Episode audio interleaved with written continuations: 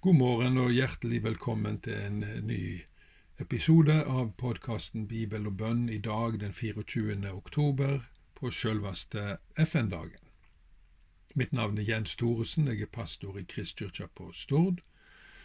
Og Vår neste gudstjeneste den er på søndag, men da skal vi reise til Halsnøy og besøke forsamlingen på bedehuset Soar.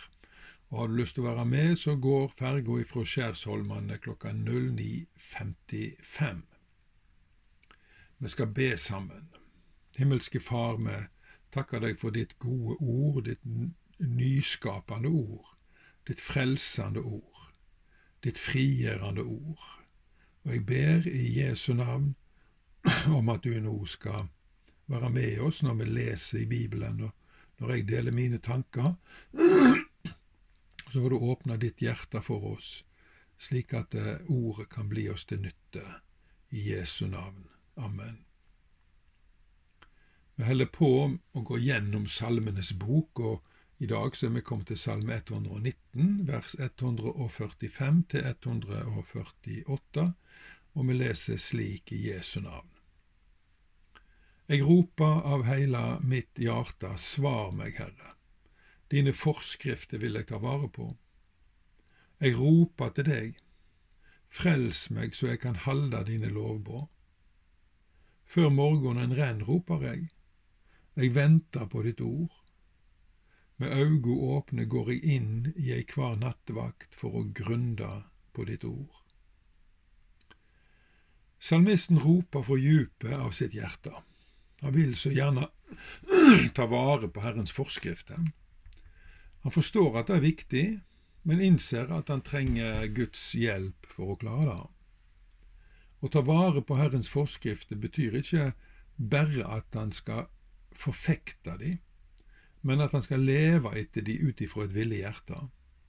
Og da kan ingen uten Den hellige ande. Han eh, understreker dette poenget i vers 146, der han ber om frelse slik at han kan halde Guds båd.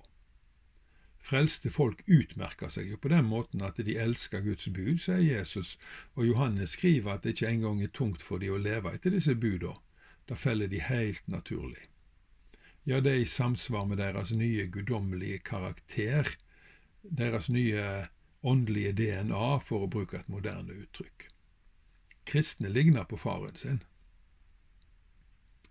vers 147-148. Salmisten ber hver morgen om at Gud skal tale til han personlig og lede han direkte gjennom Den hellige ande. Det er Guds barns privilegium. Alle som er drevne av Guds ande, er Guds barn, skriver Paulus i Romerbrevet. Når vi er direkte ledet av Den hellige ande, blir, blir det mye kjekkere å være kristen og vi blir langt mer effektive i forhold til hva tilfellet er når vi skal finne ut av tinga sjøl. Gud kan altså tale til oss utenom Bibelen, men aldri i strid med Bibelen. Derfor så kombinerer salmisten bønna om direkte ledelse med det å grunne på Herrens ord. Det er alltid harmoni mellom Den hellige ande og Guds ord, rett og slett fordi det skrevne ordet har sitt opphav i Den hellige ande. Og ordet er som Paulus skriver i 2. Timoteus brev kapittel 3 vers 15, det er innanda av Gud. Eh, og hver den som leser og grunder på dette ordet, vil mer og mer erfare å bli pusta på av Gud og fylte med Anden. En blir, som det står i Salme 1, en frodig kristen. En kristen som bærer rikelig og velsmakende og nærende frukter til glede for alle som hungrer og tørster etter Gud. La oss be Herrens bønn. Fader vår, du som er i himmelen. Lat navnet ditt helgas, lat riket ditt komme. Lat viljen din råde på jorda så som i himmelen.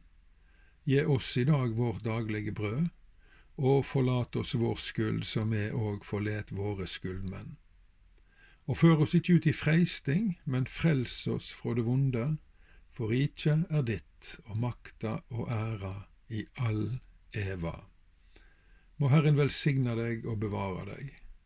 Må Han la sitt ansikt lyse over deg og være deg nådig. må han løfte, Herren løfte sitt åsyn på deg og gi deg fred. Takk for at du tok deg tid til å lytte og til Guds ord og delta i bønner. Og så har, vil jeg bare ønske deg på gjenhør.